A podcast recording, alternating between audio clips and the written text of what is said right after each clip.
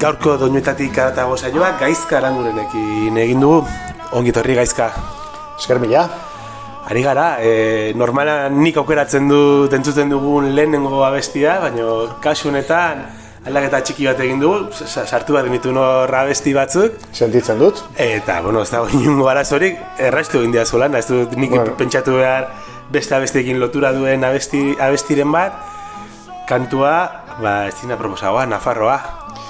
Bueno, fuerte hasi gara. Fuerte, Igual fuerte, bai, bai. fue- pentsa un fuerte, nadi bada jota bat, ez. Eta jota bat da, bai, e, egia erran, e, azken aspaldian, eta behar bada adinagatik izanen da, baina e, emozionatu eta malkoak botatzerainoko musiken arteetako bat, e, hain zuzen ere, jotak izaten dira. Ni gure familian ez dira oso joteroak izan sekula, baina ni oso oso joteroa dela nintzen. Txikitatik eta, eta bueno, gainera jota honek letra berezia dauka. Eta gainera bertsio berezi bat ere aukeratu duzu. Aire aizpen ahotxean. Ba, izan ere, bedaxagarrek, okerrez baldin manago, aterazune jota zehatzau, hitz, hitz hauek oso politak dira eta ari dagozkio. Baina egia da, e, bereziki maite dudala bai aire aizpen e, bertsio hau. Zu fuerte hasiko gara, bintzat ahotxean goxotasuna badago. Bai, bai, baina fuerte. bai, e, argi zenuen ez, e, Nafarroa, e, hor, identidadea, nortasuna, Bai. izan martzela, sartzeko gauzen batzutan, ba, hori hori egiten gaituelako gizak ere ez, nortasunak. Bai, bai, bueno, lehenengorako aukera nezakeen edo amaierarako edo erdian jartzeko, baina egia esan, e, ba, bueno, bizitza honi aitzin egiteko makuluetako bat izan ohi da komunitate baten partaide sentitzea eta horrek suposatzen duen guztia. Eta bueno, aspaldiko parte iruditu zitzaidan e, Nafarroa kontzeptuak guzti hori barne bildu zezakeela eta zentzu horretan abesti honek horri gorazarre egiten dio. Beraz oso lagungarri egiten zaite. E, hemen saio honetan izaten gara batzuetan, ba, kamera edo mikrofona pizto horreko sekreto txikitxo batzu kontatzekoa, mikrofona pizto horretik esan duzu gaur zure bizitzan saltoka ibiliko gara leku batetik bestera, ez dugula kronologia bat jarraituko, gure entzulek ere esango zuten, gaizka aranguren aipatu du, eta ez du esan ezer gehiago gaizkaren inguruan, noski jende gehienak ezagutzen zaitu, baina bueno, kazetaria, historia divulgatzailea, historiatik edo joko dugu egun, e, abeste hauetan, edo gaizka ezagutzeko aukera emango digu honek.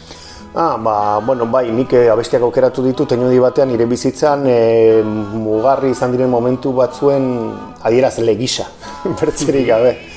Bai, eh, ze, ez dakit zer oso zergatik egin dudan horrela, baina horrela egin dut. Ez, baina egia da, e, ba, lau abesti kutxun, bo, sei abesti kutxun aukeratzea esaterakoan, ba, norbere mugarriak, Bai, mugarriekin lotzen ditugun abestiak aukeratzea da... ohikoena eh, ez? o- Ohikoa, ohikoa bai, baina zerbaitegatik da ohikoa ere, ez? E, Bai. azkenen musika lotzen digu askotan gure bizitzako pasartetara, eta kasu honetan horrela izango dela dirudi. Nahi baldin badezu, bigarren mugarri honetara ingo dugu jauzi, Nafarroarekin hasi gara, baina orain eh, Realde Katalanetara jauzi ingo dugu, Luis Jaken amor partikularra bestiarekin. Com tu podria dir perquè em fos senzill i et fos veritat que sovint em sé tan a prop teu si canto que sovint et sé tan a prop meu si escoltes Eta gaizka tira, zergatik ari gara Luis Jaken zuten? Bueno, ba, zuzen ere, nire bizitzan ere mugarri izan zelako ze herrialde katalanetako jendea ezagutzea, hizkuntza hori ezagutzea, kultura hori, Luis Jak bera lehenagotik eh, lestaka abesten genuen euskaraz, ez da, ikastolan eta horrela, baina bai, ba, nera bezaroan em, harreman berezia izan genuen e, Kataluniako jende batzurekin eta pertsona batzurekin, eta eta hain zuzen ere abesti honek zer ikusi zuzena izan zuen, ba, bakizu, nera bezaroko lehenengo maitasunak, eta lehenengo harremanak, eta eta horregatik aukeratu dut bereziki, eta albixiak bereziki maite dudalako, eta, bueno, bai, e, kantari mota hauen musika entzun izan dudalako. Nola nahi ere, bai kasu honetan, eta bai gainotzekoen kasuen, ohartu nahi izan da, e, musika gehienak e, gaztaroarekin daukatela harremana. Eh? Oso kuriosoa da, eta betirako gelditzen dira gaztarotik gerora, nire aitortu behar dut. Bai. Bereziki musak, musika zalea naizela sekula izan. Ez naiz musika etengabe entzuten duen horietarikoa, ez da gutxiagorik ere. Ja, gure entzulek ere galdea hori faltan botako zuten, askotan egiten dugulako galdea hori. Ah. Ea norbait musikazalea den, eta gertatu izan da ere, telefonoz deitzerakoan e, elkartzeta lotzeko, eta baina Iñaki, ez naiz musikazalea. Ni ez naiz bereziki musika zalea, aitortuko dut, bai, alaxe da, eta autoan noanean ez dut musika jartzen, irratia jartzen dut, eta, bueno, garai batean ikasteko bai jartzen dela musika, baina, baina ez naiz musika bilatzen ibiltzen, e, eta normalean bilatzen dudana da, e, egoera emozional jakin bati lotutako musikak lagun dieza dela une jakinen batean, bertzerik ez. Dena den musikak duen gauza politako bat, eh? Ez, ez, ez dala musikazale izan beharrik, musika ba, gau, gai desberdinekin edo gure biz- bizitzako pasartekin lotzeko edo Mugarri bihurtzeko, ez? bidelagun, Bai. nolabait bidelagun izateko bilatu gabe hor dagoen zerbait izaten delako musika. Bai, ala gertatzen da. Musikak e, gaitasun bat dauka eta da, e, zure bizitzaren momentu adierazgarrienetan e, adierazle bihurtzeko gaitasuna daukala. Horren ikur bihurtzeko gaitasuna daukala, ezta? Lekuak ere, eh? Lekuek ere gaitasun hori daukate. Bai, izan zen, noski musika ez da bakarra eh, hau egiten duena. Epatu duzu gure gaztaroa, uste dut ere asko ekartzen duzuela, eta nik ere seguraski bare nera bezaro gaztaroa ekarriko nukela abiste aukeratzerakoan, badu gure mugarretan gure biztan garrantzi bat, herrialde katalanak aipatu dituzu, uste dut beste bidaitxo bat egingo dugula hirugarren abesti honetan, eta Irlandara izango dela gure bidaia Nafarroan hasi dugu, herrialde katalanetara jarraitu dugu, Irlanda, ez dakit fuerte jarraitzen dugu, baina bentsat nortasun handiko hiru lekura iristen ari gara. Entzungo dugu Back Home Inderria bestia, eta segituen esango digu gaizkak, zergatikan bilatuko dugun derrira, etxea balitz bezala. Eighteen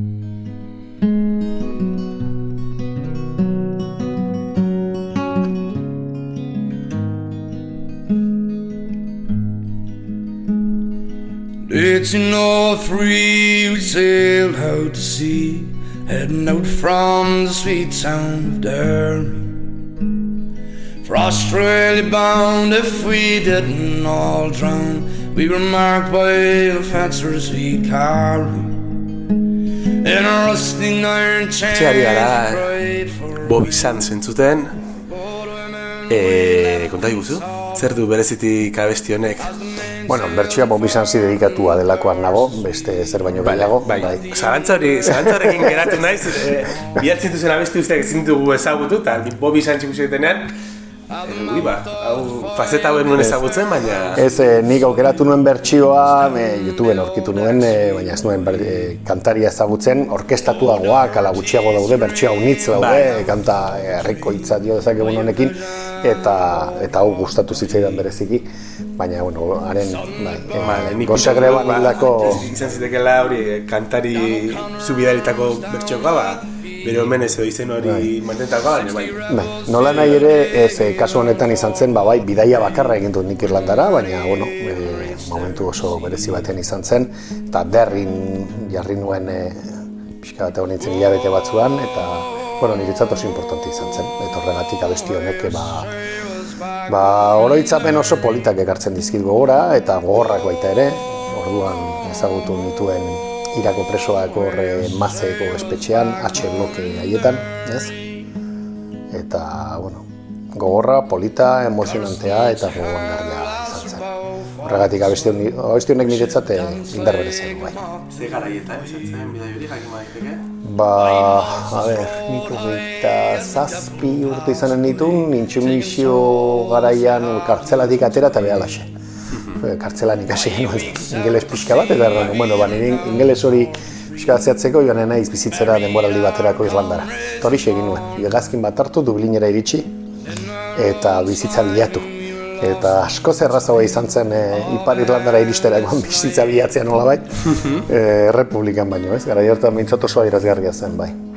Eta berri da joan. Eta aipatu beharreko zerbait da, herrialdek asko dute lotura estua musikarekin eta erroekin, baina Irlanda da horietako bat. Bai. Oso presente dago musika eta Bai, bai. musika bizi duten leku bada.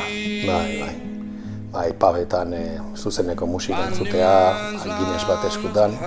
Orduan oraindik ere zeliago nintzela ez nekien, da orduan Guinness hartzen nun jota fuego. Arazorik gabe. bai, bai, gara hartatik esaten duen e, Guinnessera zela edari alkoholdun onena mundukoa, eta berretxe egiten dut hori naiz eta badara matzadan e, amabost urte probatu gabe. Eta, eta bai, Irlandako garai hori hori izanen zen, hogei sortzi, ba, demagun laro gaita mazazpi, laro gaita masei, laro gaita mazazpian, bai, hortxe.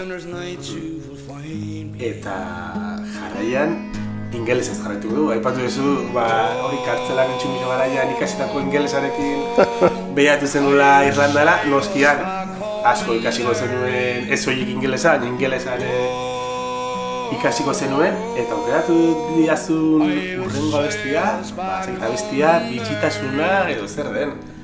Entzun egingo dugu, gainera eh, ez dakit entzulek musika soilik entzun duten edo hor eh, hitz batzuk eta Bueno, zuzenean, zuzenean, nik uste jo dezakegula zuzenean musikara, ez? Ze Bestea filma baten parte bat da, beraz eh, zuzenean joan gaitezke musikara kasu honetan, bai. Primeran.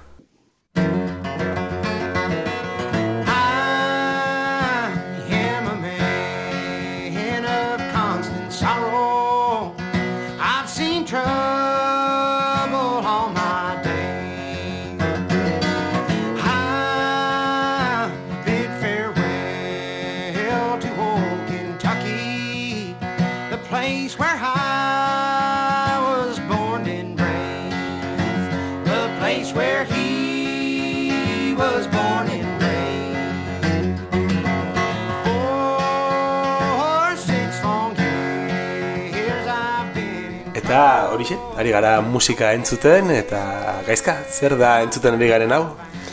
Ba, Oh Brothers izeneko bluegrassa da, e, oso kuriosoa da, ze ni musika, ba, musika zalea ez naiz, baina countrya biziki maite dut, e, esan nahi dut ikasten, o lanean ari naizenean fondoan askotan country musika jartzen dut, eta bereziki bluegrass.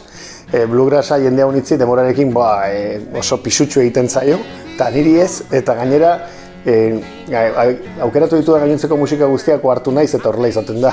Horrela izaten naizelako behar bada pixkat beti joten naizela, malenkoniatxu, nostalgiko, ez dakize, beti oso kantautore, eta kasu hau ba, desberdina da, ez? Eta pelikula ikusterakoan, e, ba, abesti zehatz hau biziki gustatu zitzaidan, eta pixkat bluegrass zaletasun horren ba, adierazgarri gisa aukeratu dut besterik gabe, eta gainera, bueno, pixka bat, e, piper pixka bat emateko aukerak eta honi, bertzenaz oso beheti joanen ginateke.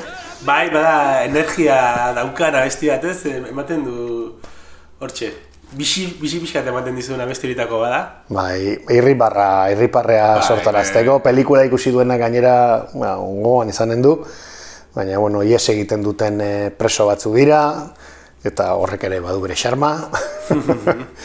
bai. Bai, ikusten duenez, e, bi, e, bi, e, aukerak eta bidali zen idanean, ikusi nuen e, bi gauza bereziki izan zela, hori, lasaitasunetik edo malinkonetik edo zuk ere aipatu duzu bajo minderrik badaudela bertso orkestatua, baina zu biluztien aukeratu duzula, baina Nafarroa, Juslak, horiek ere badira, Eta ba- badira ere abesti batzuk eh, erroekin lotura handia dutena, bentsat musikalki, letrekin ere, eta hau ez abesti lasai bat, baina honek erroekin ere lotura estua dauka, eta begira, ez duen pentsatu, baina, bueno, kartzelarekin ere, aipatu dugu bakinderrirekin bai, intsumiso garaian, kartzelan ingelesa ikastea, bai, han irako presoekin egotea, hau, ba, esan dezagu kartzel e, divertigarriago bat edo drama gutxigo duna badela, ba, ikusten dugu azkenen mugarra hauetan, badaudela Errepikatzen diren gauzak, batetik bestera, ez? E,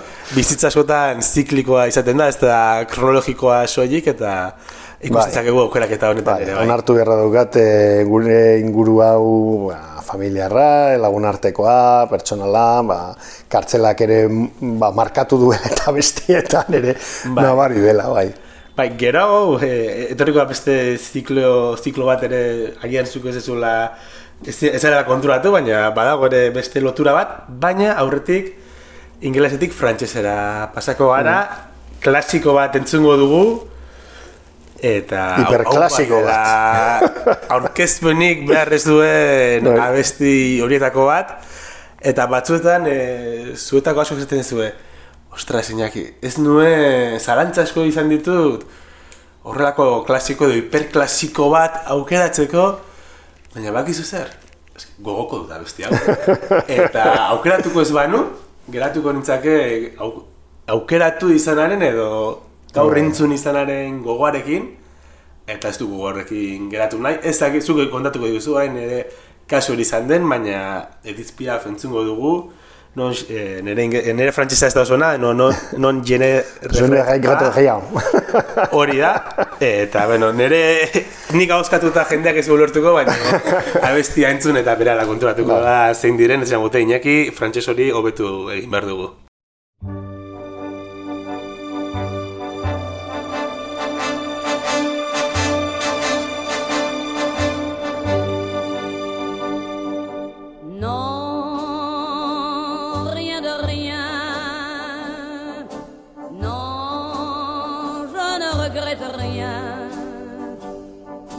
Bien qu'on m'a fait, ni le mal, tout ça m'est bien égal. Non, rien de rien. Ba, hortxe, ari gara berriro abestia hau entzuten, esan dugu, ia aurkezpenik behar, due, behar ez duen abestiretako bat da, baina hemen abestia aurkezteko eta horri buruz hitz egiteko etorri gara. Hmm. Ezka, zergatik Edith Piaf. Bo, argi neukan e, abestien aukeraketan, e, abesti betako batzu ebintzat, bost abestik, ba, pixka bat e, e, bizitzan zehar barneratu ditudan bost hizkuntza eta bost ikuspegi horien e, adierazpena izan behar zutela, ez? Eta frantsesak ere leku importante bat okupatu du nire bizitzan, ba, ikasle garaian hain zuzen ere ba, hizkuntza hori ikasi nuelako, ba, Euskara eta Espainiera etxetik, e, bueno, Espainiera etxetik, Euskara ikastolatik, eta eta frantsesa ikasten genuen ikastolan, nik uste dut zentzu horretan e, hankasartzi karagarria egiten ari garela ego Euskal Herrian e, ingelesa frantsesaren aurretik jarrita, hori betiko bat da. Eta, bueno, frantses eh, kultura ezagutzeko ere aukera eman ditorrek, e, batean. Eta, bueno, nire Baxena Farroko lagun batzuk erraren zuten bezala, joder, baina hori izan daiteke, be, nik eh, Lola Flores aukeratzea bezala. Ba izan daiteke, ba izan daiteke. Baina, bueno, adierazgarria iruditzen zait. Baina Bai, bizi dugun errealitatearen bai. gauza bat ere, eh, modu batean ikustea abesti hauek, Eta pentsa, eh, hori e, jone gretu egian e, aukeratzen nintzenean, e, e, lemetek ere zea, e, Gazenz eta Mustaki biak ere bigiratzen egon nintzen, Maliberte, Lobernia eta horietako batzuk, ba, hiperklasikoak ere bai. Bai. Baina azkenean honekin gelditu nintzen. Gainera, e, iruditzen zitzaidan egon behar zula, no? gutxi, gutxi gutxieneko oreka bat e, ahots gizonezko eta emakumezko ahotsen Bai. artean, da gainontzeko gehienak nik uste dute gizonezkoak direla. Bai, Bai. orduan horregatik Edith Piaf aukeratu nuen. Eta ez Gazenz eta ez e, Mustaki. hori aire aizpak entzun ditugu hasieran, baina Mm. egia da jarraitu dugu nagoz guztietan e, gizonezko Bai, bai, zirela. bai.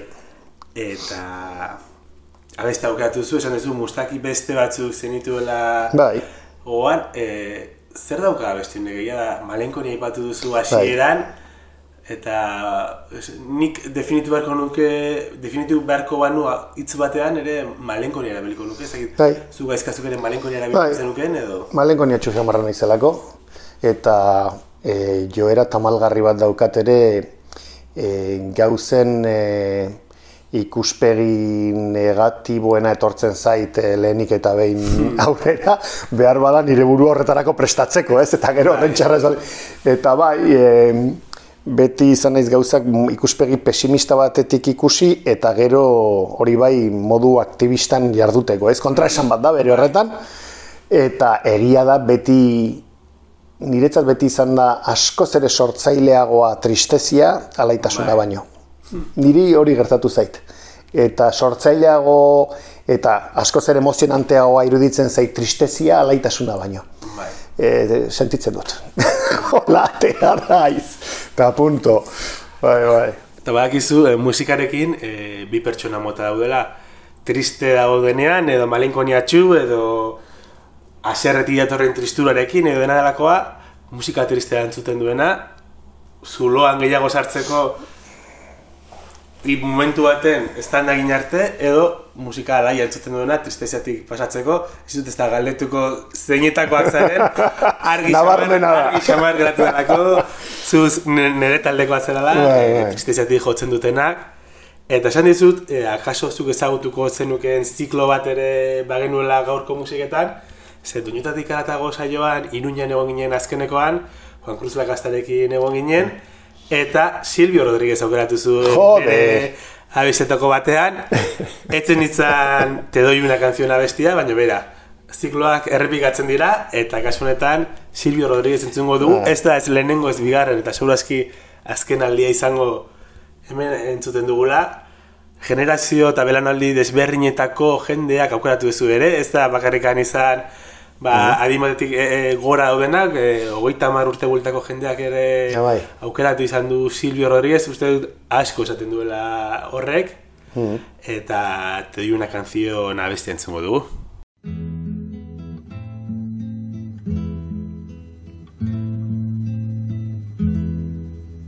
Como gasto papeles recordándote, como me haces hablar en el silencio, como no te me quitas de las ganas, aunque nadie me ve nunca contigo.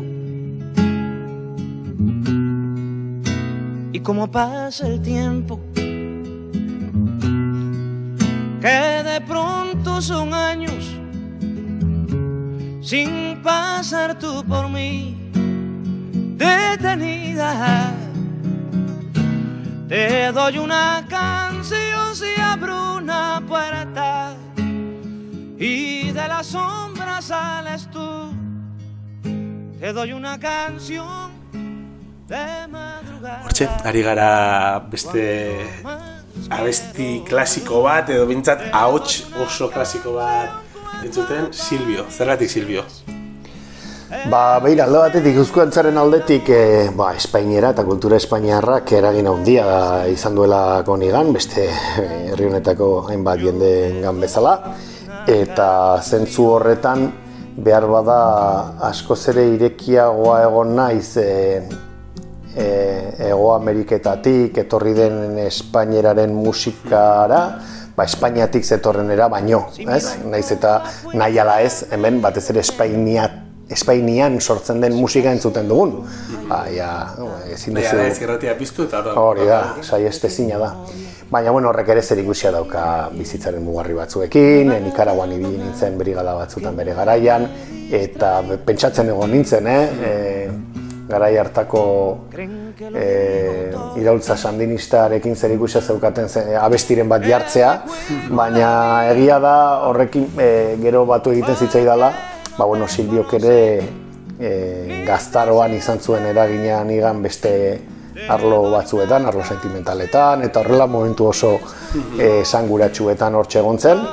Eta maite dut, e, bereziki maite dute abesti hau, eta horregatik aukeratu dut, baina guzti horren adirazle gisa, ezta? Espainiar, edo espainieratik, ez espainiar, baizik eta espainieratik hartu dudan, e, zera, ba, referentzia guztiak, eta Ego Amerikako garai uh, iradutzaile horren adierazgarri naiz eta bestiak bereziki bueno, ba, gara irautzaile horien e, ba, adierazle ez izan, ez, bestia. Izan zen berezikiko ez dakit garrantzia dentza, baina bere garaian ez, ba, laurogei garren amarkadan edo e, oxe, Ego Amerikako edo Latinoamerikako kantautorek izan zuten ez, ez da estanda berriro ez, hitza aurkitza usatzen ari zaitu mundu honetan, baina izan zuen nolaiteko garrantzia edo e, entzun zen asko edo eragina ere ezakit musikalki izan zuen, baina bai behintzat abesti horiek e, asko entzuten zirela hemen, bai aldeatik, bai bestetikan, ez da? Bai, bai, eta horren horren froga da, hau, Horren, nire kasuan da. behintzat. Jalaxe da.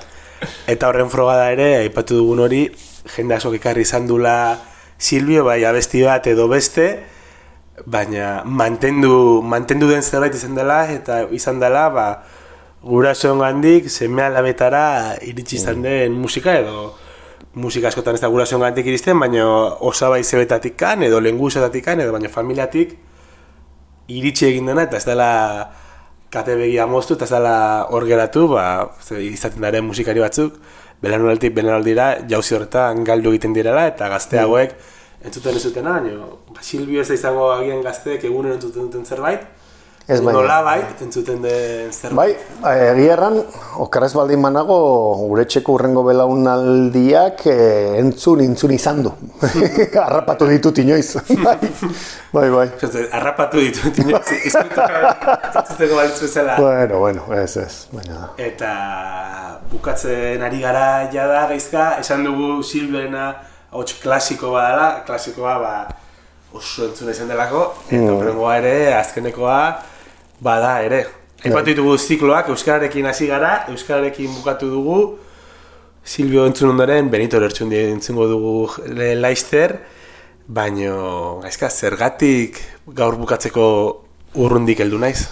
Ba, edo asteko izan ziteken ere, edo erdian jartzeko, baina urrundik heldu naiz. Benito Lertxundi nire ustez da, eta izanen da, etorkizunera begira, azken, berrogeita mabost urteotako euskal kulturaren eta euskal berpizkundearen adierazle gorena.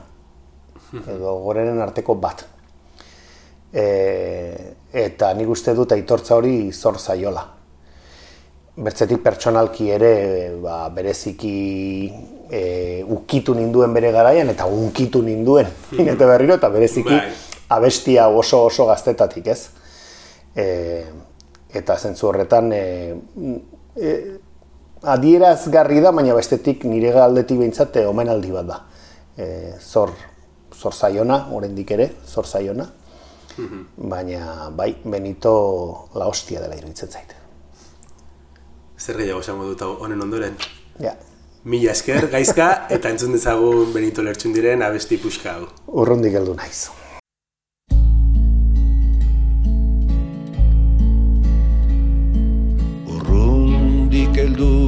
Naiz luze ibiliz bidez bide eta bidetako hausakaria. Sortara zidu ene oinetako behatzartetik Enen buruan untzazari da estaltzen eskuetako behatzetan madari ondoaren ostosan horrak loratzen. Bizkarrean orzian barna magalimikatzen kibuak txertatzen ari zaizki dalari zaizki dalari